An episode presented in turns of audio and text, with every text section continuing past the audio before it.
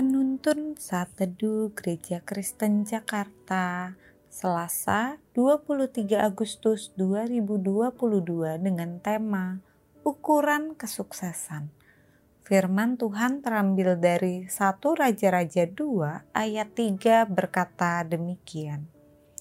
Lakukanlah kewajibanmu dengan setia terhadap Tuhan Allahmu dengan hidup menurut jalan yang ditunjukkannya dan dengan tetap mengikuti segala ketetapannya, perintah, peraturan, dan ketentuannya seperti yang tertulis dalam hukum Musa, supaya engkau beruntung dalam segala yang kau lakukan dan dalam segala yang kau tuju.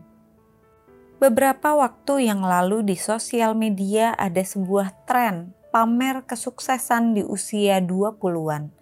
Banyak orang berusaha menunjukkan pencapaian apa saja yang sudah didapatkan di usia 20-an tahun, mulai dari nilai tabungan, usaha dan pekerjaan, properti, sampai pasangan dan pernikahan.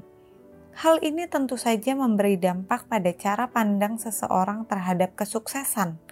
Orang-orang di usia 20-an yang tidak memiliki tabungan, pekerjaan, properti, atau pasangan dianggap tidak berhasil menjalani hidupnya Itulah mengapa tidak sedikit kaum muda yang memamerkan kekayaan yang palsu untuk membuktikan kesuksesan mereka.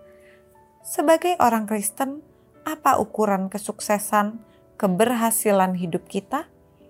Karena nilai diri kita tidak ditentukan oleh apa yang kita miliki, maka sudah selayaknya nilai diri kita juga tidak ditentukan oleh atribut-atribut di luar diri kita sebelum meninggal dunia, Daud berpesan kepada umat Israel bahwa yang terpenting dalam hidup mereka adalah melakukan perintah Allah dengan setia dan hidup menurut jalan yang ditunjukkannya.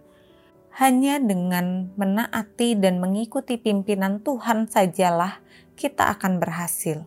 Keberhasilan yang Daud maksudkan bukan kaya, terkenal, atau mendapatkan semua yang kita inginkan Keberhasilan orang Kristen adalah saat kita menjalani panggilan Tuhan dengan benar, apa pun posisi dan jabatannya.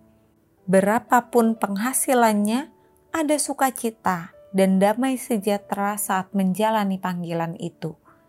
Inilah kesuksesan hidup.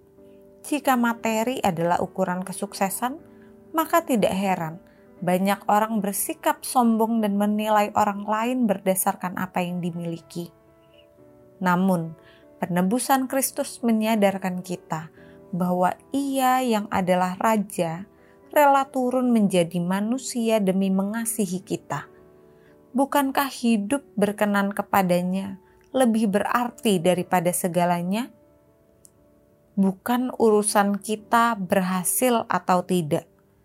Tugas kita adalah melakukan yang benar. Ketika kita melakukan yang benar, selebihnya adalah kehendak Tuhan.